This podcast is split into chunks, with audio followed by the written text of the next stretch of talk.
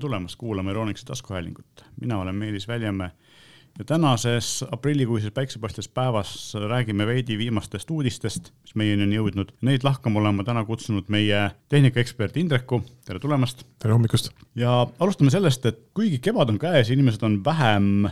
kontorites või, või kodukontorites, aga see ei tähenda või mängivad vähem, see ei tähenda, et tootjad ei tooks turule ägedaid uusi arvutiseadmeid, nimelt eh, kaks suurt hiiretootjat on toonud kaks väga erinevat, aga väga head hiirt ja, või hiiresarja ja nendest me kohe räägime, sest et ähm, mõlemad on, üks on väga oluline mänguritele ja teine on väga oluline siis kas koju või kodukontorisse või, või päriskontorisse. Ja esimene on SteelSeries, kes tõi oma palju kiidetud Aerox seeriast välja kolm uut versiooni, üks neist juhtmega ja kaks juhtmevabad ja miks on Aerox eriline või mille poolest eriline kõigist teistest, on see, et tal on niisugune kärjedisain, ehk siis tal on nii-öelda augud sees korpuses, mis teeb ta ühtepidi hästi kergeks ja teistpidi selliseks, et, et see õhk liigub sealt läbi, et käsi ei hakka higistama, oled sa proovinud seda? ise ei ole, aga mul äh, poeg kasutab ühte sellist versiooni ja just on, ongi, ja, ja ongi just sellepärast, et noh, nii-öelda mängurid nagu nad äh, mõlemad on. tundide kaupa lasevad, eks? Äh, just tundide kaupa ja see käe higistamine ongi üks niisugune nagu asi on, mis noh, võib-olla siis segab, et pead ju seda hiirt pärast hooldama hakkama tavaliselt sellisel kärje, kärjetüüpi, kui õhk käib hästi läbi, siis on tegelikult jube mugav niisugune jahe versioon käe all, et, et tegelikult ja näevad muidugi ääretult ilusad välja. just, ja, ja muidugi lisaks sellele, selle kärje disainiga on ju see, et see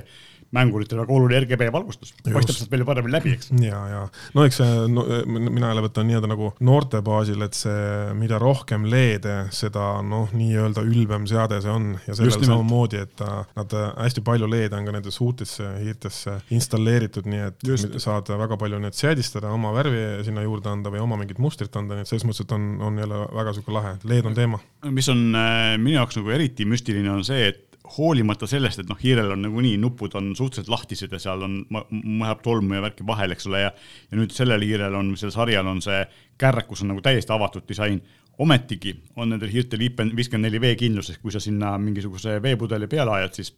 kujutad ära ja tegelikult ei juhtu mitte midagi yeah.. see on nagu müstiline, et nad on suutnud nagu teha põhimõtteliselt lahtise hiire, mis on samas ka veekindel, et yeah. on saavutus omaette. SteelSeries on kasutanud ju minust juba tükk aega tegelikult hiirtel neid veekindlaid lüliteid sees, et, et see, see Aerox, Aerox lahendus on lihtsalt nüüd veel siis nii-öelda veel lahtisem eh, jah, edasiminek selleks, et su peopesa lihtsalt eh, tunneks ennast seal hiire peal ka hästi ja, ja kui sa tõesti oledki tundide kaupa seal eh, arvuti taga ja, ja hiire, hiire küljes, et siis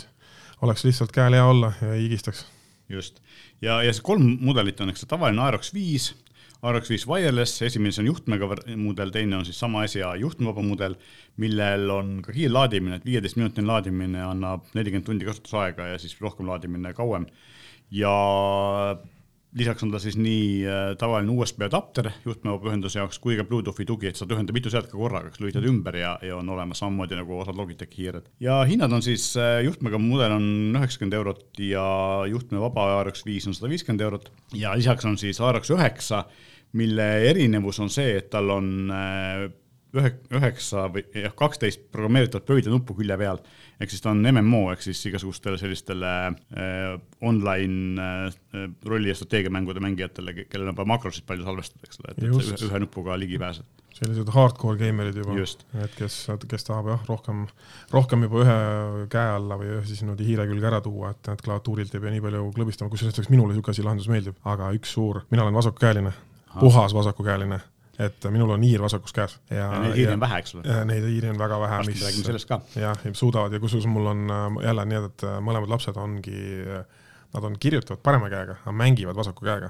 mis on äh,, kui nad kuskil käivad jah, käivad vaatama, noh, käivad koos mängimas kuskil, siis kõigi suureks imestuseks on alati see, et poisid istuvad mõlemad, hiir on vasakus käes ja mängivad parem, parem käsi siis klaviatuuril, niipidi mängivad. see on huvitav. siis on nagu see, et nad peavad kõva hiire kaasa võtma, sest palju tihti on see, et kui sa laenad kuskilt hiirt, siis sa oled vale, valet pidi, eks ole. no eks nendel, vaata nendel nii-öelda geimeritel ongi tegelikult, eks oma hiir on, oma hiir on see mhm. lemmik, et just, et sa oled sellega harjunud. just, paika sätitud ja see mm -hmm. peab nagu sihuke hea olema. lisaks siis siis äh, vanast ARX kolm mudelist on tehtud äh, uuendatud versioon, mis on tehtud natukene, natukene paremaks ja ja selle hind on äh, muidugi kõvasti odavam, et see juhtmevaba versioon on sada üheksa eurot uuel. aga kui me hiirtest juba räägime, siis tegelikult teine asi, kui sa rääkisid vasakukäelistest, siis ähm, kõige kõvem hiiretootja või noh, kõige tuntum hiiretootja Logitech tegi kauehiire, mis ei ole midagi iseenesest erilist, sest Logitech teeb kogu aeg uusi hiiri, aga, aga seekord on see natukene selline teistsugune. nimelt siis äh, Logitech Lift on äh, nii-öelda ergonoomiline hiir, mis on siis selline kaldus või poolviltu, et mitte su käsi ei käi seal nagu peal, vaid käsi on, on püstis asendis, mis peaks tegema hiire kasutamise kõvasti mugavamaks või sellepärast, et käsi on loomulikus asendis, ta ei, ta ei väsita kätt, ei tekita seda äh, randmeprobleemi, eks ole jah, no sellest. aga sellel on üks oluline asi on see, miks ma just nagu sellest tahtsin sinuga rääkida, on see, et sellel on ka olemas siis konkreetselt vasakukäeliste versioon ühel värvil vist ainult. ühel värvil, mustal värvil. tume, tume. tal on jah, pal-, mitu erinevat värvi, mis on tegelikult hästi ilusad, pastellsed värvid ja sobivad Logitechi klaviatuuridega kokku, aga see musta värvi tehakse ka tehakse ka vasakukäelistele, et kuna see on ju veel eriti selline, et kui mõned hiired on, on tehtud niimoodi, et nad on sellised äh, veidi universaalsed, saab ka vasaku käe kasutada, siis selline püstine hiir, seda ei saagi nagu teistpidi kasutada, eks ole, peab olema spetsiaalselt vasakukäeline. kas sina oled sellist vertikaalset hiirt proovinud äh,? ise ei ole Mm, ise ei ole kunagi seda, noh, nii-öelda meil on küll müügis olemas ma olen ise näinud seda, aga, aga kasutada pole saanud. aga selle, kes nüüd võib-olla äh, Meelise kirjeldusest võib-olla just aru ei saanud, et kuidas üldse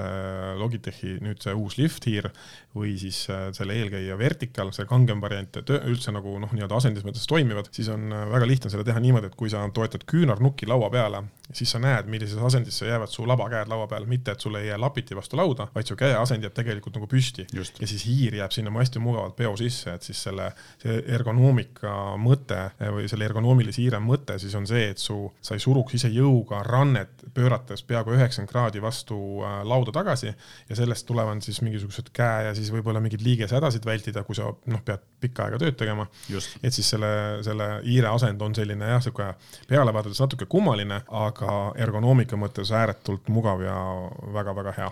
Ja, ja lisaks siis äh, sinu mainitud MX Verticaliga võrreldes, mis on siis selle Logitechi selline eelmine vertikaalne hiir, on vahe selles, et uus lift on äh, omajagu väiksem ehk siis eh, MX vertikaali puhul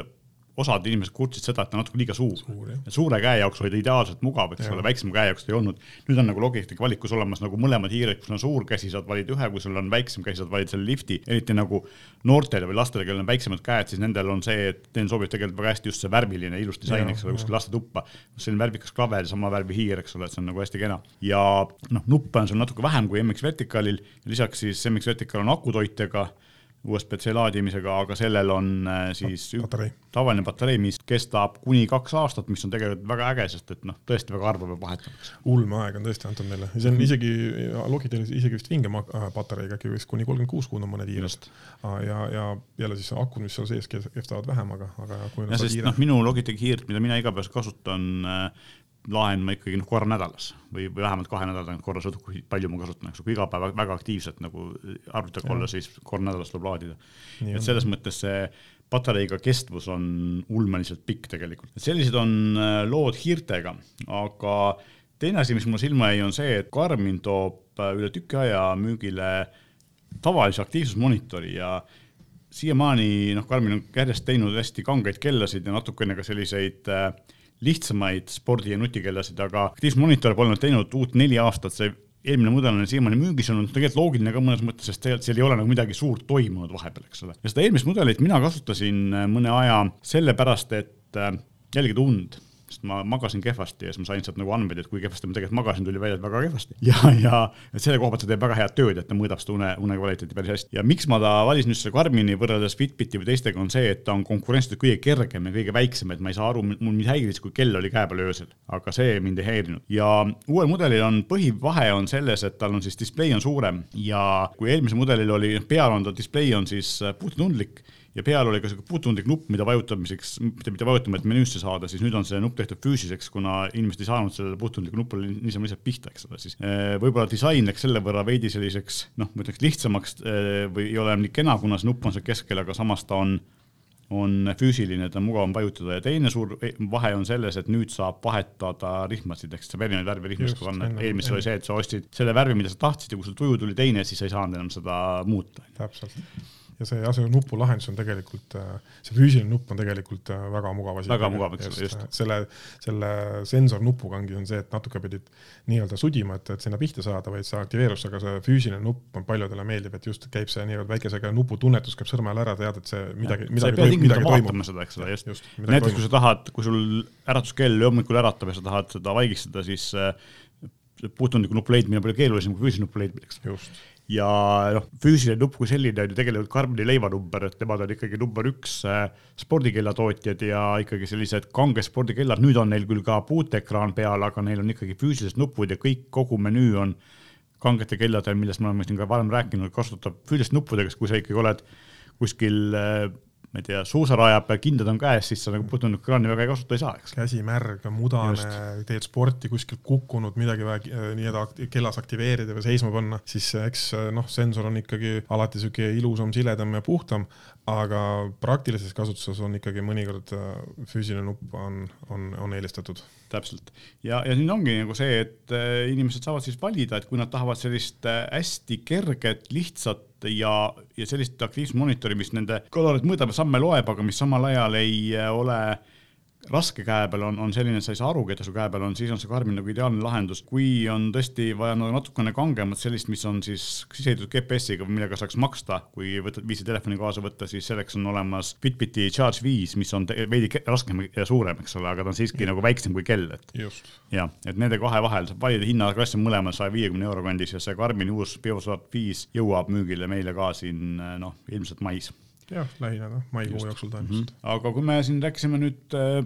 sellistes asjades siis jääme veidi korraks mobiilsete asjade juurde, et ähm, Apple'i, kas sina kasutad iPhone'i või Androidi? Android. et Apple'il on hästi populaarne, on AirDrop ja mina olen samuti Androidi kasutaja ja, ja Androidil on sellele tehtud konkurent Near, Nearby Share, mis siis peaks samamoodi laskma ligidal olevate inimestega jagada faile, pilte ja dokumente ja nii edasi põhimõtteliselt ühe nuppvajutusega. aga seal oli see probleem, et kui sa tahtsid jagada, hiljuti tegi Google sellele lisaks juurde siis selle grupile jagamise, said korraga mitmel inimesel jagada, aga nüüd tegi Google juurde siis ka, teeb kohe, kohe on välja tulemas selline lisa, et kui sa tahad jagada oma seadmete vahel, telefonist tahvlisse, telefonist arvutisse või nii edasi, siis sa ei pea sealt teise seadme peal seda käsitsi aktsepteerima, et kui sa oled sama kontoga sisse logitud, mis nagunii saad Google'i kontoga Chrome'i või, või teise telefoni või tahvlisse sisse logitud, siis äh, võtab automaatselt vastu, et minu arust teeb see näiteks piltide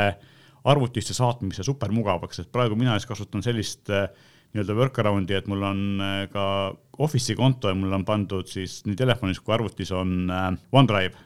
kuna erinevalt Google'i fototeenusest see pakimata, eks ole, paneb pildid üles mm. -hmm. ja siis ta maagiliselt ilmub mul sinna pilve kausta, ma saan sealt äh, arvutist alati kätte. Aga see on selline tehniliselt keerukas tegevus, et, et selline niisama klassikaline pildi saatmine on enamusel inimestel tegelikult ju palju lihtsam, et sa, kuidas sina oma pilte, taha, proovid, tõmbad sa üldse pilte arvutisse või mitte? arvutisse valdavalt vist mitte, et mul ikkagi. teed kõik asjad telefonis ära? jah, ma mm -hmm. olen niisugune rohkem niisugune telefoni kasutaja, et okay. kõik, mis ikkagi download'id, siia mul on küll jah, on,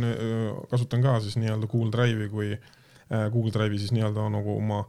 erakasutuseks rohkem ja mm, -hmm. ja OneDrive on siis nii-öelda töö, tööasjade hoidmiseks, aga kuidagi minu jaoks on kuidagi mugav olnud see, et kõik on ikkagi telefonis või mm -hmm. ja siis äh, tahvlis on, tahvlis on ka Google Drive sees, et seal, kui midagi teed, siis ilmub teil sinna kohe nähtavale, nii et, et, et muud, muud lahendust. No, tegelikult on just nendel inimestel, kes, kes tahavad nagu sellist äh, iseenda seadmete vahel pilti jagamist mugavaks teha, kes ei viitsi nagu selliste äh, pilveteenustega niivõrd palju vaeva näha, siis see on tegelikult väga hea lahendus ja see ilmselt tuleb koos kõigi teiste suurte Androidi uudistega Google I.O.-l, mis on siin iga-aastane arendajate konverents, mis siin maikuu jooksul toimima saab. ühtlasi tähendab seda, et see Nearby Share'i funktsionaalsus saab võrreldavaks Apple'i AirDropiga, et siiamaani on see olnud AirDropil omandused paremad, eks ole, ja noh, loomulikult iPhone'i kasutajaid on on selles mõttes, et on lihtsam seda teha, sest et see on üks sama seade, üks sama tarkvara, Androidil on erinevaid versioone, erinevaid telefonitootjaid, eks ole, see on veidi keerulisem, aga sellepärast Google ongi võtnud selle nii-öelda oma mütsi alla ja teinud seda nii, et kõik teised tootjad saaksid ka kasutada, eks ole, et selles mõttes on ta universaalne, Samsung on teinud küll ka mingi konkurendi, aga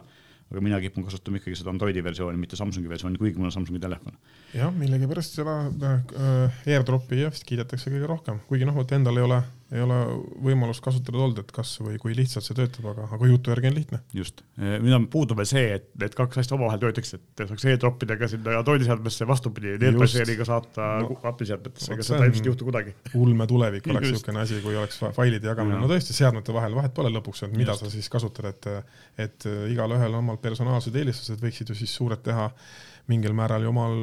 sellise, sellise faili jagamise süsteemi jaoks teha sellist nii-öelda koostööd, et, et saakski Just. mugavalt. aga kui me tegelikult äh, rääkisime siin äh, OneDrive'ist, siis ma tegelikult mõtlesin, ma korraks siia vahele torkan selle, et äh, et noh, üldse Microsoft kolm kuus viis või Office, me oleme sellest kunagi väga ammu rääkinud, aga, aga noh, tihti on see, et see on nagu tööasi ja inimesed kasutavad seda töö jaoks, aga et miks võiks seda kasutada isiklikuks otstarbeks, siis tegelikult see on nagu väga hea point, ongi seesama OneDrive lihtsalt, et kui sa võtad äh, Google Drive'i või äh, iCloudi Apple'il, eks ole, ja vaatad mm -hmm. seda kuumaksu, et äh, kui sa tahad oma pilte, dokumente, muid asju ikkagi pilve varundada juhuks, kui sul telefoni või arvuti millega, midagi peaks juhtuma, mina arvan, et igalühel võiks olla mingisugune pilveteenus, eks ole, siis kui me vaatame hinda, siis äh, Office'i konto on tegelikult konkurentsitult äh, kõige parema hinnaga sest et kui me võtame Microsoft kolm kuus viie, siis äh, see hind on selline, et äh, ta on mingisugune noh, tavahind on, äh, on kuskil seal saja euro kandis, aga kampaaniates ta isegi on siis, perepakett on, on kuuskümmend üheksa eurot aasta või, või seitsekümmend, mõnikord kaheksakümmend, et see kõigub, eks ole. ja kui sa võtad isegi selle kõige kallima variandi sada eurot, siis noh, loomulikult saad Exceli ja Wordi ja Outlooki ja muud siuksed asjad, et noh, Outlooki võib paljud inimesed ei viitsi meili jaoks kasutada, kuna see on selline väga töökeskne keeruline programm, aga näiteks Word koos Microsofti eh, eesti keele spelleriga on, ta töötab suurepäraselt, et neil on küll veebis olemas ka Wordi versioon, mis on tasuta saadaval, aga see on keerulisem ja, ja noh, mõttes nagu ligipääs on keerulisem, ta ei ole installitav, eks ole, ja teiseks on see, et eh, see speller ei tööta seal nii hästi, kui on selles tasulises versioonis. aga põhieelis on see, et, et tegelikult need klassikalised Office'i programmid tulevad tegelikult põhimõtteliselt tasuta lisana kaasa, kui sa selle võtad, sest põhiväärtus Office'il ka eratarbeks on see OneDrive'i konto, sest sa saad selle üheksakümne üheksa või odavama hinna eest perepaketist saad sa kuuele kasutajale terabaidi kettaruumi, sa saad põhimõtteliselt kuus terabaiti kettaruumi saja euro eest aastas ehk siis alla kümne euro kuus või kui saad selle soodushinnaga, siis veel odavamalt. sellist pakkumist ei ole konkurentsitudki mitte ühelgi teisel, ei, ei Google'il, ei Apple'il, ei mõnedel kolmandate tootjate, noh, Dropboxil või kellelgi teisel, rääkimata väiksematest konkurentidest. et kui arvatakse, et see hind on kallis, siis tegelikult tasub võrrelda seda hinda, et kui sa viskad kõik oma pildid ja videod, mida sa kunagi teinud oled, sinna üles, tõenäoliselt jääb veel ruumi üle, eks ole, selles mõttes on, on see nagu niivõrd hea hinnaga eh, pakkumine, et seda minu arust tasub kaaluda isegi siis, kui siin nagu need ükski muu Word või, või Excel või PowerPoint või, või muud sellised asjad ei huvita. PowerPoint muidugi mõnes mõttes mõistlik eh, isiklikus kasutamises ka siis, kui sa, ma ei tea, teed, otsid tööd või midagi, siis päris tihti tahetakse saada CV-sid presentatsiooni vormis ja mingeid selliseid asju, et seal on seda mugav teha, aga jah, sellegipoolest, et see, see OneDrive ise ainuüksi juba tasub tegelikult selle hinna ära, et kui, kui paljud küsivad, miks ma peaksin nagu kontoritarkvara või sellise Office'i tarkvara eest maksma, siis äh, pilvevarundus ja, ja pilve äh, siis äh, ruum on see asi, mis, mis selle tegelikult nagu mõistlikuks teeb. ja selle peale paljud ei mõtle vaatasin kõrval kohe vahe korraks selle Google, Google Drive'is Google One'i paketti, äh, mida ise kasutan, ma ise kasutan äh, vist saja gigabaidist paketti, no siiamaani on mul sellest on piisanud, kuigi mm ma tean, et mu äh, uuel telefonil on juba kakssada viiskümmend kuus gigabaiti äkki sisemelu mm -hmm. ja sellest ma tean, et sada on umbes täis, nii et okay. see, kui see peegeldamine käib sinna Drive'i, siis mul on see ketas ka kohe nii-öelda see Drive'i ketas kohe täis. Ja näiteks Google Drive'il kaks terabaiti, noh, sa saad siis juba kaks terabaiti, OneDrive'il said terabaidi, aga Google One'i kaks terabaiti maksab sada euri aasta.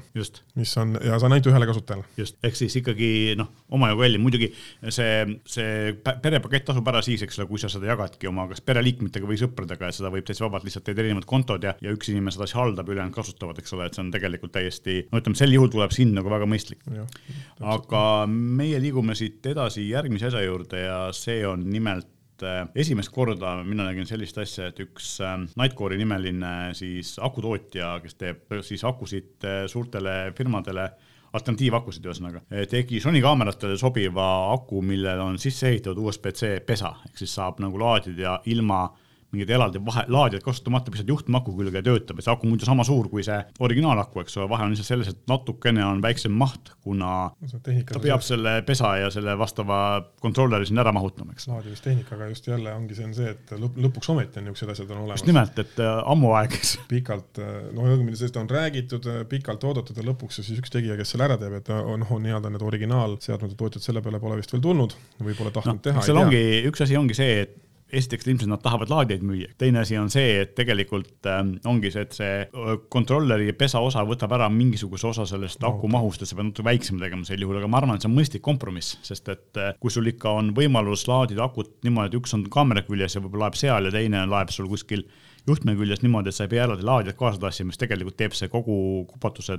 kaasavõtmise kõvasti lihtsamaks, eks. ja USB-C laadija on ikkagi väga tihti, noh, see käib nagu igal pool ju kaasas, et selleks ma tänapäeval ei olegi, minul on samamoodi, ma olen siin ka varem rääkinud, et mul on, ma olen ühe sama laadijaga kodus arvutit,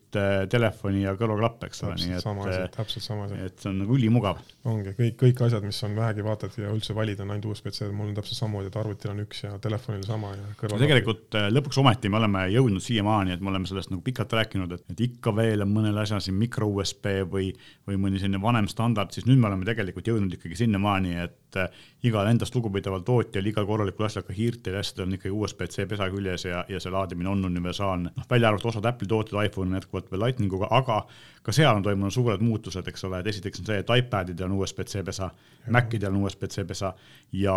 tegelikult ka uued iPhone'i laadijad, kuigi neil on telefoni pool on Lightning, siis laadija pool on USB-C pesa ja kaasa antakse sulle tegelikult, kui laadijad enam komplektis ei ole, antakse sulle kaasa juhe, mis on ühelt poolt USB-C ja teiselt poolt Lightning, nii et, et tegelikult seda laadijat saab kasutada erinevate juhtmetega, samamoodi erinevate seadmete kasutamiseks ka, ka Apple'i laadijat, eks ole. jah, nüüd juba universaal, nüüd läheb juba jah, see laadija. et see on tegelikult fantastiline ja tegelikult siin käivad ka kuulujutud, ametlikult ei ole veel midagi välja kuulutatud, aga väidetavalt on Apple'il tulemas ka siis uus iPhone'i laadija, mis on natuke võimsam, millel on kaks USB-C pesa, ehk siis saab laadida korraga kahte seadet, kui sul on näiteks iPad ja, ja, ja iPhone või iPhone ja klapid saad korraga laadida ühe pesaga siis või kahe pesaga saad kahe juhtmega laadida ühe laadijaga seadmeid väga mugav reisi jaoks näiteks. jaa, on piisavalt piisavalt võimas laadija. just, ja noh, lisaks, teiseks on see, et tänu sellele kalliumnitraad ehk kandtehnoloogiale on ju see ka, et äh, võimsad laadijad lähevad väiksemaks, vanasti oli see, kui sul oli nagu piisavalt võimas laadija, siis ta oli suur pirakas ja pidid seda kaasa tassima, ta kaalus palju ja võttis palju ruumi, siis nüüd on see, et laadijad lähevad ikkagi võimas laadija on juba selline, mis mahub peopesasse ära. täpselt, ma ise kasutangi sellist äh, laadijat, et mul on endal äh, mu ThinkPadi laadija muidu sihuke vaheadapteriga, mõle, mõlemas otsas on pikad juhtmed, selline mm -hmm. asi, aga selle olen nüüd koju ära jätnud. ja, ja ostsin endale vist kui ma ei mäleta, siis Xiaomi oma see mm, -hmm. see Gallium nitride laadija ja mis äh, näiteks Samsungi telefoniga toetab täiesti seda ülikiirlaadimist, mida, mida kui ma võtan mõne teise laadija, ma pole veel täheldanud, et telefon näiteks äh, pealkirjad äh, ülikiire laadimine, mingi kaks punkt null on seal taga. nelikümmend viis vatti on, eks Samsungil? jaa, neljakümne viie vatine laadija, aga näiteks kui ma olen proovinud siin poes, siis teised ei tee seda mm. -hmm. aga see Xiaomi omi, Xiaomi oma teeb seda ja, ja kuna ta on siis kuni kuuskümmend viis vatti, nii et sellega vabalt laed läppari aku laed läpparil täis niimoodi, et sa võid samal ajal tööd teha või midagi vaadata, aku saab täis, mitte nii, et ta hoiaks ainult seda stabiilset voolu all. ja, ja teised asjad siis ka. minul on samamoodi, et mina panin oma ThinkPadi USB-C laadija kodus kontorilaua alla, ehk siis mõttes ma panin ta sinna teipisin või panin sinna aluse peale, ots jookseb mul monitori tagant äh, laua peale ja siis ma laen seal laua peal kõiki asju, et ma laed ise nagu ongi niimoodi kinni pandud, ma ei saagi seda niisama lihtsalt kätte sealt. ja teine väike laadija on mul siis selle jaoks, et kui ma tahan äh, reisile kaasa võtta, samamoodi on kaks USB-C pesa ja, ja sellega ma saan laetud kõik asjad, eks ole, et ainuke asi, mis mul veel on äh, mikro USB pesaga on kindel, sest et uut, noh, see töötab nii hästi, et seda uut ostma ei hakka, eks ole, ja kuni, kui see lõpuks läheb pensionile, siis uus järgmine on juba USB-C-ga, sest et Amazon tuli alles hiljuti välja palju kindel paperwhite'iga, millel on USB-C pesa, et vanasti ja. see oli üks viimaseid asju. aga nii, et revolutsioon on ära toimunud, et kui me siin mõni aeg tagasi unistasime, et võiks olla nagu enam-vähem üks laadimispesa ja standard, siis nüüd on see nagu tegelikult kohal ja ja täiesti töötab efektiivselt. aga meie läheme siit edasi streaming teenuste juurde, me oleme nendest rääkinud siin pikalt, aga täna on meil kaks suurt uudist või noh, sellist olulist uudist, esimene on neist see, et Telia avas uue streaming teenuse Telia Play, väidetavalt küll neil on natukene seal läheb aega selle nagu täishooga käima saamisega, et nagu no, alati. nagu alati, aga point on nagu selles, et nad üritavad siis teha või teevad sellist e, Elisa elamuse konkurenti, kus nad pakuvad siis erinevat sisu HBO Go3 ja, ja eksklusiivseid asju nendele inimestele, kes tahavad äh, kasutada, kes on Telia kliendid põhimõtteliselt või, või ei pea olema tingimata, aga kes ei taha vaadata klassikalist televisiooni, et päris palju on tänapäeval inimesi, kellel televisiooni üldse pole, kasutavad näiteks arvutit või, või nii edasi, või siis lihtsalt on teleka taga on mingisugune pulk või, või asi, millega, millega streaming teenuseid kasutada ja siis vaatavad nii-öelda sealt. ja eks operaatorid üritavad ka nagu seal kaasa lüüa, et küsimus on pigem selles, et nüüd on meil nagu neid taolisi teenuseid on hästi palju, eks ole, meil on seesama uus Telia Play, meil on Elisa elamus, meil on äh, Apollo tv, kes pakub ka telekanaleid, on Go3, on Viaplay, eks ole, ja lisaks siis on, eks erinevaid äh, spetsiifilisi ühe, ühe asja nii-öelda teenuseid, WRC pluss ja, ja Eurosport pluss ja siuksed spordiasjad põhiliselt, eks ole, et tegelikult see valik on väga suureks läinud ja küsimus, mida mina olen ka varem küsinud, et kui paljud neist lõpuks nagu ellu jäävad, eriti meie turul, mis on üliväike turg tegelikult, eks ole. ja no pakkujaid jah, on palju ja jälle nii-öelda ise, ise tavaeetri signaali või noh, nii-öelda tavatelevisiooni tegelikult viimasel ajal ikka ülivähe vaadanud, rohkem, no kui no on, noh, kodus on see võimalus, järelvaatamise võimalus on, üksikuid asju kas järelvaatamisest või, aga muul ajal ongi, et töötab kas taustal, kas töötab a la Plex, vaatad sa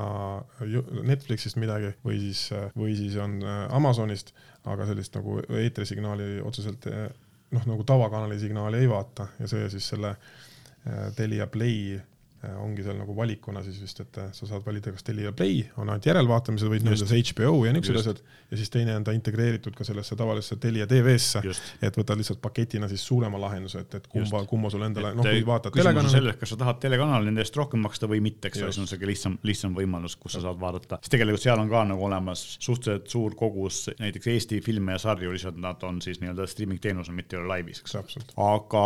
küsimus on just selles, et kui palju neid nagu siia meie turule ära mahub, et mingil hetkel ilmselt hakkab tekkima mingi konsolideerumine. kõige loogilisemaks minu arust see, täiesti spekuleerides, et Go3 ja Viaplay, mis on väga sarnased asjad, võiksid ju kuidagi ühineda, eks ole. aga eh, noh, kõige kauem kestavadki ilmselt sellised operaatorid ja pakutavad teenused, Telia oma, Elisa oma, noh, kes iganes veel, kuna nendel on nagu kliendibaas on juba nii suur, kellele seda teenust pakkuda, eks ole, ja, ja nende selline eh, sissetulek või rahavoog on teistsugune, eks nad ei pea sellest streaming teenusest üksi sõltuma ja nad saavad, saavad seda, seda arendada nii-öelda kõrvalt. ja samas neil on see know-how olemas, eks ole. ja inimesed on piisavalt mugavad ka, et mõni, tihti on see, et sul on üks teenus juba olemas, näed kõrvalt küll reklaami ja siis mõtled, ah, ma ei viitsi sellega Just. tegelema hakata, et see on mingi uus asi ka. või siis see teine, mina olen jälle niipidi, et, et kui tuleb, et vaatad, algul on mingi tasuta prooviperiood, alati just seda üritad katsetada, katsetada, et siis seda nagu hea vaadata ja, ja siis, siis selle baasil saad juba otsustada, et kas sa tahad seda edasi, sellega edasi minna või mitte ja,. jah, tegelikult on, on siis ka see, et äh, Telia puhul on veel eriti, et see on võib-olla õige aeg selliste teenustega turule tulles, et Telial tuleb kohe uus Androidiga digiboks, kus on siis noh, äppide tugi, eks ole, kui see on nagu äpina saadaval, siis sa saad selle lihtsalt, ilmselt neil endal on see kohe eelpaigaldatud aga sa saad selle nagu installida, kui sul seda ei ole või, või kõiki teisi asju, eks ole, sul ei ole vaja kahte erinevat boksi, aga noh, see nagu siin ähm, Karl Anton Teliast käis meile jõuludele rääkimas, siis see uus Telia boks saabub äh, kuskil suvel, nii et. Äh, kas see juba valikus pole veel või? Minu teada veel ei ole. käisin mingi aeg tagasi vist ruuterit või seda digiboksi käisin tagasi viimas, siis nad küsisid mu käest, kas tahate uut saada või? ahah, igal juhul noh, ma ei ole ammu vaadanud, aga, aga igal juhul mul ei ole veel pakutud okei okay,, siis võib-olla ma lihtsalt mäletan valesti, aga ma tean, et jah, ma viisin, ma vahetasin kodus ruuterit mm -hmm. ja siis äh, vahetasin Telia ruuteri, äh, noh, panin oma ruuteri sinna asemele ja siis käisin digiboksi tagasi viimas, kuna Telia äpp on teleris sees juba mm, -hmm. saab kasutada siis kui läksin jah, digiboks näpus, käisin sinna tagasi, siis nad küsisid, kas te tahate seda uut digiboksi saada, mulle sealt sellepärast jäi meelde, et, et kas neil on see juba väljas kas või... Telia äpp telekas töötab sul hästi? jah, täitsa nii, et ütleme nii, et ma olen kasutanud seda nüüd kaks kuud, kaks kuud võib-olla peale ja no ma ei ole siiamaani ühtegi viga seest leidnud. Okay.. minu arust see kanali valiku kerimine käib sujuvamalt kui digiboksis endas ja seda nii-öelda see reageerimise ajal mitte kuskil mitte mingisugust vahet ei ole. Pildi kvaliteedi võib-olla töös on selline väike nagu teistmoodi sihuke omapära, et ta nagu nii-öelda vaatab su seda nagu sisemist võrgukiirust, et kui sa kanalit kiiresti lappad, siis pildi kvaliteet on korraks on üks, siis ta mõtleb mingi sekundi mõne ja siis viskab pildi selgeks, et kui digiboksiga vist oli see nagu noh, nii-öelda nagu sihuke pilt oli nagu kogu aeg nagu ühesugune aga pildi kvaliteet kui niisugune on väga-väga ilus ja, ja tehnika enda töö või noh, selle äpi töö, ta on küll beeta faasis seal ametlikult mm -hmm. kirjas ju, aga mina ei ole ühtegi viga leidnud ja samamoodi töö juures detsembris tuli välja, detsembri lõpus tuli välja see. -hmm kakskümmend kaheksa detsember äkki või kakskümmend üheksa detsember tuli välja ja sealt jaanuari algusest me panime töö juures tiksuma, üle wifi töötab seda mm. -hmm. ja ma ei ole leidnud ühtegi kokkujooksmist, et nii, et sa peaksid tegelikult telekaga midagi tegema, vaid noh, mitte midagi. see on ka tegelikult selle uue boksi ja sellesama uh, uue Telia tv äpi point, et äh, siiamaani oli ju see, et kui sul oli kaks telerit, kaks vaatamiskohta, sa pidid äh, põhimõtteliselt ühendama kaabliga, ta ei töötanud wifi'ga, eks ole, nüüd on see, et nii boks on wifi'ga ühendatav kui ka tänapäevast nutiteleritel, kus see töötab Androidiga telerites, eks ole, on, on ju wifi alati olemas, et sa ei pea enam juhtmeid vedama nii palju, mis on nagu fantastiline. aga sellest äh, kuidas kaugel see boks on ja kas tegelikult juba olemas on ja kuidas nende ruuteritega tänapäeval on, et kas sealt on mingid uudised tulemas, võin diiselina ära öelda, et nädala-paari jooksul on meie saadet külastamas ka Telia tehnikadirektor, nii et me saame, saame seda kohe küsida. aga kui me oleme nagu selles streaming teenuse, teenuste teemas juba sees, siis äh, tegelikult üks uudis, mis siin viimasel ajal on, on väga palju tekitanud sellist poleemikat, on see, et Netflix, kes on pidevalt, küll mitte Eestis, aga mujal Euroopas ja Ameerikas hindu tõstnud, hakkas esimest korda kaotama kliente ja sellest on tekkinud suur paanika, et Netflixi aktsia on kakskümmend viis protsenti kukkunud ja, ja siiamaani on Netflix aastaid rääkinud, et see, et inimesed jagavad parooli ja kasutavad ühte sama kontot erinevate sõp sõbrad omavahel, on väga äge ja, ja see tähendab seda, et teenus on populaarne ja meid see väga nagu ei ei morjenda, meile see meeldib, siis äh, nüüd on juhtunud see, et enamusel neile ei meeldi, sest et ilmselgelt on nüüd vaja hakata raha kokku koguma igalt poolt, sest et kui kasutajal juurde tulles tuleb sealt kasutajate käest võimalikult palju raha ära võtta, mis tähendab seda, et ähm, nüüd nad üritavad hakata siis kindlaks tegema parooli jagamist ja siis äh, seda inimestele meelde tuletama ja neid asju kinni panema, et Lõuna-Ameerikas või kuskil nad juba tegelevad sellega, et inimesed said äh, nii-öelda siis kirja, et kuule, et me näeme, et sa jagad või oled, oled kasutanud kellegi teise parooli ja me pakume sulle, et sa võid seda edasi teha, aga pead maksma kolm eurot, vist oli see või kolm dollarit. et, et selles mõttes äh, selline huvitav lähenemine, aga teistpidi jälle selline äh, veidi ebatavaline liigutus, et kui nad siiamaani on äh, ametlikult ja avalikult rääkinud, et, et neile see tegelikult meeldib, kuidas inimesed nagu kasutavad nende teenust niimoodi perekonna või sõprade kaupa ühe kontoga, siis, siis nüüd nad nagu on sada kaheksakümmend kraadi teist teed ja noh, mõnes mõttes loogiline, äriliselt loogiline liigutus, eks ole, aga et küsimus on selles, millal see või kas selline tegevus ka Eestisse jõuab, Eestis on Netflix jätkuvalt odavam kui enamus teistes riikides või noh, siin Ida-Euroopas ja kui nad siia ka jõuavad, siis meil on ka see parooli jagamine tegelikult hästi levinud ja mm, -hmm. ja siis, äh, siis ilmselt ma kujutan ette, et on ka päris palju inimesi, kes selle peale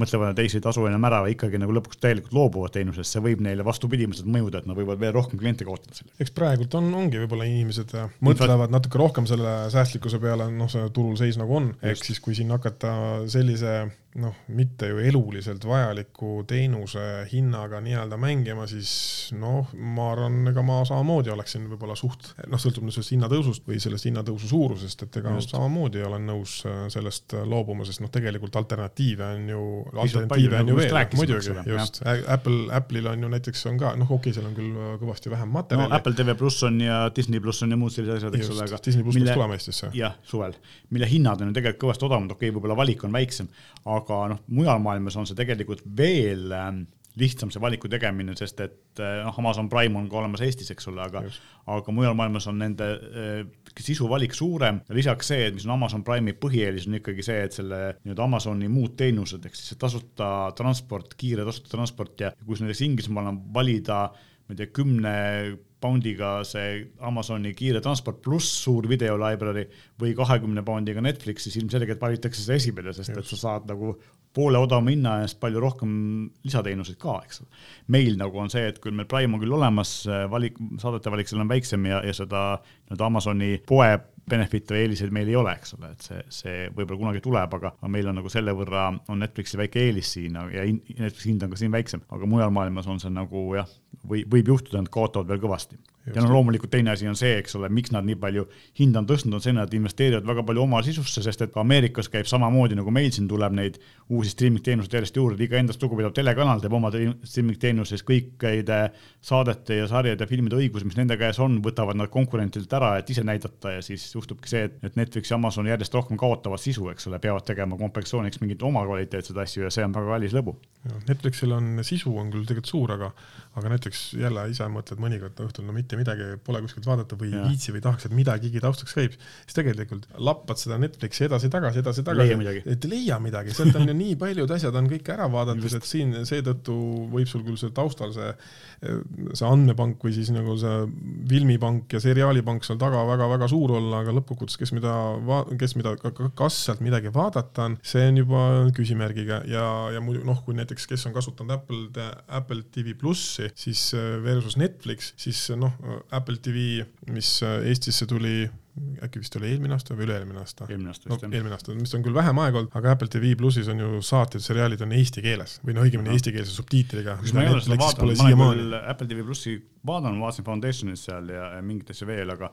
aga ma ei ole vaadanud äh, seda, kas ta on eesti keeles, ma ei kasuta neid subtiitreid. jaa, need on subtiitrid on eesti keeles täitsa, mis, mis mul oli täitsa üllatus, kui ma hakkasin siis va vaatama siis, kui see Apple TV tuli Eestis aktiivseks, oli see Sea, on see, see pimedate sari, pimedatest siukest noh, nagu ulmesari ja samamoodi eestikeelsed subtiitrid all, mis täitsa nagu üllatus, eks ole, et kus, kus Netflix ei ole veel minu teada ühtegi seriaali ega, ega filmi pannud sinna subtiitrite alla, mida, mis noh, näiteks ju väga suur osa inimesed tõenäoliselt tahaksid. just, ja se selle koha pealt rääkides, kui me rääkisime sellest Telia Play'st, siis selle koha pealt Telia ütles ka, et kõigil hästi on eestikeelsed subtiitrid olemas, mis ei ole muidu Eesti asjad, eks ole, nii et, et selles mõttes see on ka üks suur eelis tegelikult paljudel, sellega, sellega võlub. Eelkõige võib-olla sellist äh, nii-öelda äh, keskealist inimest, võib-olla vanemat inimest, kes, kes ei võta inglise keelt nii lihtsalt või Just. kes ei halda nii lihtsalt kui, kui või noh, võib-olla ise või lapsed, kes inglise keeles noh, vaatavadki enamus ajast, noh, võtame kasvõi Youtube näiteks onju, sealt äh, lapsed õpivad Youtube'i multika, filmi baasil tänapäeval inglise keele selgeks endale juba. just, noh Netflixi puhul tegelikult oleks see võib-olla sellepärast veel eriti oluline, et kui Eesti inimesed oskavad enamasti, saavad aru inglise keelest ja paljud saavad aru vene keelest, eks ole, aga aga Netflixis on päris palju head sisu, mis on hispaania, prantsuse, rootsi, eks ole, et keeled, mida me tegelikult eriti ei oska. Ja siis oleks need subtiitrid eriti olulised, kummaline vaadata hispaaniakeelset asja inglisekeelse subtiitritega, sest tegelikult ikka aru ei saa, eks. ma olen, vaatasin, hakkasin vaatama äh, Äh, seriaali seda kurikuu-, mitte kurikuulsat ei saa öelda, kuulsat seriaali, see Money Heist vist just, oli. just, seda Hispaania sari, tegelikult seriaal ülihea väga,, väga-väga põnevad äh, osad. Ja ongi siis on äh, algul vaatad hispaaniakeelset seriaali ingliskeelse subtiitriga, aga siis on lõpuks läheb see, see sihuke sigri-migri tekkis seal lõpuks, siis ma paningi ingliskeelse audio panid peale ja kuulasid niimoodi, siis tead harjusid lõpuks selle ära, ära niimoodi, et, et niipidi kuulasid, aga, aga võib-olla oleks jah parem see, et olgu siis hispaania keeles ja oleks eestikeelne subtiiter siis mulle isegi meeldis võib-olla rohkem. originaalnäitlejatega, originaalheli, et mulle meeldiks ka selline variant rohkem, aga võib-olla nad kunagi jõuavad sinnamaani. aga ilm on tegelikult ju õues ilus ja mis seal ikka toas telekas passida, et võib-olla tasuks minna õue ja eestlaste lemmiktegevus on äh, grillimine ja muidu selline nädalavahetusel äh, seltskonnaga õues äh, söögi tegemine ja, ja ilma nautimine, noh, praegu veel on natukene võib-olla jahedavõitu, aga aga siin lähima paari nädala jooksul ilmselt on piisavalt soe, et saab, saab tegelikult sellega tegeleda ja, ja üks asi, mis mulle silma jäi, mida ma pole varem näinud, et nendele inimestele, kes meeldib, kellele meeldib kokteile teha või veini nautida, siis Dometiku nimelisel ta on tegelikult nagu külmkapitootja, teeb hästi palju selliseid autokülmkappe ja selliseid asju, eks ole. Erilisi, tava, tava, tavalisest natukene erilisemad ja. nüüd on neil eh, ka sellisele pikniku või, või, ütleme, aiapeo jaoks tehtud äh, välibaar, kaks erinevat mudelit, eh, selline roostevust terrast ratastel kast, mis siis sisaldab endas, endas veinikülmikut, mis on väga oluline, kui sa tahad veini hoida õigel temperatuuril, eks ole. ja, ja lisaks siis äh, jääkülmik või selline jää, jäähoidja ja mõned sahtlid, kus sa saad hoida siis mingeid teisi jooke, purke või, või, või mingeid muid asju, eks ole, et, et selline ähm, ja siis serveerimislaud on ka lisaks juures, kus sa saad siis neid asju, kokteili ette valmistada, veini välja valada. ja seal saab veel laiendusega külge osta ja, ja see veinikülmik selle äh,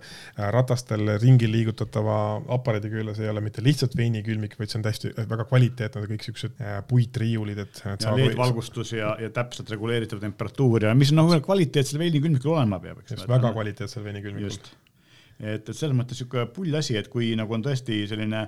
maja, mis vajab äh, ja aed, mis vajab sellist, äh, kus kutsute tihti nagu külalisi ja teete mingisuguseid veini degusteerimisi või asju, siis see on selline üsna möödapääsmatu seade minu arust. Ja, ja visuaalis noh, ta näeb sihuke hästi kena näeb välja, sihuke hästi, no ütleme, ta reaalselt näeb kvaliteetne välja, et Just. ei ole siukest kuidagi ligadi-logadi mingit plastikut asja, vaid tal on kõik metallist, kõik on sellisest ilusast puidust, veinikülmik on sees, suur jäänõud on, kui võtad kätte, nad on niisugused soliidsed, massiivsed, et eeldaks, et kohe kuskilt katki ei lähe, et võiks olla väga-väga lihtsalt hooldatav ja väga sihuke omapärane. just väga..., ta näeb välja nagu selline profiklassi toode, ta meenuski mulle nagu oma välimuselt sellist, nagu on restoraniköökides on tehnika, eks ole, selline väga, väga profi tasemel disainiga. aga, ja, ja nimi on ta siis Dometic Mobar, väiksem variant on Mobar kolmsada ja suurem variant on Mobar viissada viiskümmend ja need on meil äh, siis äh, müügil ja võite endale aeda või noh, aias kasvatamiseks sellise asja soetada, et ilmselt sellega väga palju kaugele ei lähe, aga see on mõeldud just selle jaoks, kui soovite kedagi külla kutsuda, siis pakkuda sellist äh, keskmisest paremat elamust, ütleme niimoodi. ja pluss noh, ta ise, ise jahutab kogu aeg, et sa ei pea selleks eraldi mingit serveerimislauda midagi, vaid sa saadki sealtsamast kohe võtta, välja kallata. ja selles mõttes, kui sul on ja olemas mingi garaaž või, või selline koht, kus teda nagu pidevalt töös hoida, et sa saad ta sealt välja veeretada, eks ole, ja muul ajal ta jahut-, ongi sul nagu veinikülmik, eks ole, et seda nagu töötab, töötab ka igapäevase veinikülmikuna, ta ei ole lihtsalt nagu aeda kaasavõtmise seade, eks. täpselt. ja aga kui, mis juhtub siis, kui meil on nagu enamus meist on, et me elame korteris ja me ei saa grillida ja võib-olla ei saa ka kuskil linnast välja tihti sõita või, või ei taha või, või noh, praegu on kütus ka kallis, eks ole, et, et tahaks ka grillida ja mina olen nende jaoks leidnud nagu üllatavalt palju kasutust leidva asja, nimelt Tehvali optigrill, mis on siis selline lauapealne tavaline grill, aga aga kuna ta on elektrigrill, siis sellega saab, seda saab kasutada viiendale rõdu peale, kasutada seal või kasutada lihtsalt köögis, et eh, kuna tavalist sellist eh, puidu või gaasigrilli sa ei tohi kasutada korterites, eks ole, ja rõdu peal ka mitte, et see on keelatud ja, ja ohtlik. siseruumides ei tohi see Just. ja Tehvali, Tehvali jah, võib-olla idee siis kunagi on ka ongi, see on see, et, et kui on täitsa sihuke normaalne ventilatsioon toas olemas võtadki selle grilli välja, noh tegelikult sa muidugi ei pea seda välja võtma, see võib sul olla laua peal kogu aeg. mul ta ongi kogu aeg laua peal, sest selle vahel äh, või sellega saate ju teha no tervitselt ükskõik mida, et äh, Just. minul on natukene endal, mul on Tehvali natuke väiksem versioon, nii-öelda võileva grilliks mm -hmm. tituleeritud versioon, aga millele on juurde ostetud ka siuksed eraldi plaadid, noh nii-öelda paniini plaadid mm -hmm. ehk siis natukene väiksem vend sellest, aga nüüd optigrill on siis, äh, nad on kahes suuruses tavaline XL ja siis on äh, digitaalne versioon, digitaalse displeiga versioon ja siis sellise tavalise displeiga versioon. just, no niisugused juhtimisest, juhtimiserinevad, aga muidu need põhiplaadid seal vahel on, on neil äh, samad, ehk mm -hmm. siis on natuke kitsam versioon ja on laiem versioon mm, -hmm. et kui sul on ikkagi niisugune mitu inimest peres, siis mm -hmm. on suurega, kas teed kasvõi hommikul sooja võileiba just. või grillivorsti või võtad mingi korraliku suurema steigi ja kõike sa, absoluutselt kõike saad seal vahel teha, muna pole veel proovinud teha. mina ka mitte, aga, aga iseenesest ongi see, et, et selle väiksemale versioonile saab samuti osta siis juurde nii eh, vahvliplaadid kui ka sellise kausi või panni moodi asja, kus sa saad teha, ma ei tea, pitsat või kooki või midagi sellist, eks ole, et, et see on ka nagu no, täiesti universaalne seade, mina pole seda vahel asja omale ostnud, kuigi ma olen pidevalt mõelnud selle peale, tegelikult võib-olla võiks seda teeb kiiremini kui ahjus, väiksema koguseks, me oleme ka kahekesi ja meil, meil on see väiksem variant, suuremat pole vaja, aga mis mulle väga meeldib, mul on see OptiGrill Elite, eks see digitaalse displeiga on see, et et ma ei pea mõtlema, eks ole, et mitu minutit ma nüüd seda lõhet teen või mitu minutit ma seda grillvorsti teen. ma valin sealt menüüst, kus see eestikeelne menüü on, valin menüüst vorst vajutan peale ja siis ta näitab mulle, eks ole, samamoodi nagu steigiga või sa saad teha kana või, või vorstiga, et ta seda ei näita, aga näiteks kui sa valid äh, steigi, siis on see, et sul on see, eks ole, kas ta on ähm, rare või medium või, või well done, eks ole, küpsusastmete valik on. Ja sa ei pea mitte midagi rohkem mõtlema, näitab see minutites ära, palju on, annab sulle helisignaaliga märku, et nüüd on see küpsusaste saavutatud, näitab seda astet äh, display peal, ehk siis ma ei pea mõtlema mitu minutit, mis temperatuuriga teeb seda kõike automaatselt ja kui ma tahan, ma saan käsitsi ka panna, aga ma kunagi pole seda käsirežiimi kasutanud ja lisaks on veel see, et, et noh, sa ei pea lihasega tegema, sa võid küpsetada või grillida seal köögivilju, mis ta iganes absoluutselt veel. absoluutselt kõike, absoluutselt kõike. ja ülikiire ja loomulikult äh, ta ei ole nagu messi ka, et tal on olemas see all on, ees on selline rasvakogu ja rasvakogumispann, jah. Äh, võtad selle rasva sealt ära, viskad ta nõudepesumasinasse, plaadid käivad küljest ära, viskad need ka nõudepesumasinasse, sul on nad kohe puhtad teed järgmise korra, järgmine päev uuesti, eks ole, ja kui ma, mina selle ostsin, siis ma mõtlesin, ma tükk aega kaalusin, kas mul on seda vaja, aga samas noh, ma tean, et grillimine on üks tervislikumaid liha valmistamise viise, et ta rasv läheb välja, eks ole, ja sul Just. ei ole eh, palju, palju vähem kaloreid aga see, kui palju ma teda kasutan, mina mõtlesin, noh, et tead, sihuke korra nädalas, võib-olla paar korda kuus kasutan, no üle päeva ikka kindlasti, et see oleks, kindlasti ma kasutan optigrilli rohkem kui ahju, et eh, see on nagu üllatav. ongi mugav ja ta on mugav, ta on kiire ja, ja noh, ma ütlen, et praegu, praegusel ajal, kus eh, grillimine on teema ja inimestele meeldib ja tegelikult, mis on veel, eks ole, vastu suve ju kõik eh, lihatootjad hakkavad tegema igasuguseid šašlõkke, grilllihasid ja erinevaid asju nagu väga suures valikus, eks ole, siis tegelikult see kiusatus eh, neid proovida tõuseb järjest rohkem ja, ja miks mitte teha seda kodus, et ei pea ootama nädalavahetust, kui saaks kuskilt linnast välja sõita või naabritele või sõpradele külla kuhugi, kellel on suvil, eks ole, ja seal grillida, vaid seda kõike saab teha kodus. just, hooaeg on, hooaeg on väiksemas koguses, aga siiski, et et poes on Tehvali õppegrillid olemas, neid saab vaadata ja siis, kui tõesti tekib ka selline mõte, et võiks seal proovida teha pitsat või kooki, siis äh, saab osta selle lisa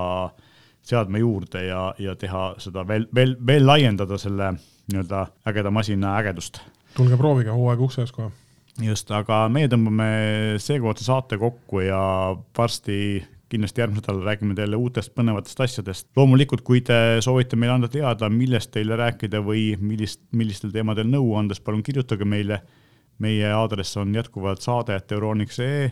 või kirjutage meie Facebooki või Instagrami postituste alla, me loeme ka need läbi ja võtame kõiki neid soovitusi arvesse. meie täname kuulamast. aitäh, kena päeva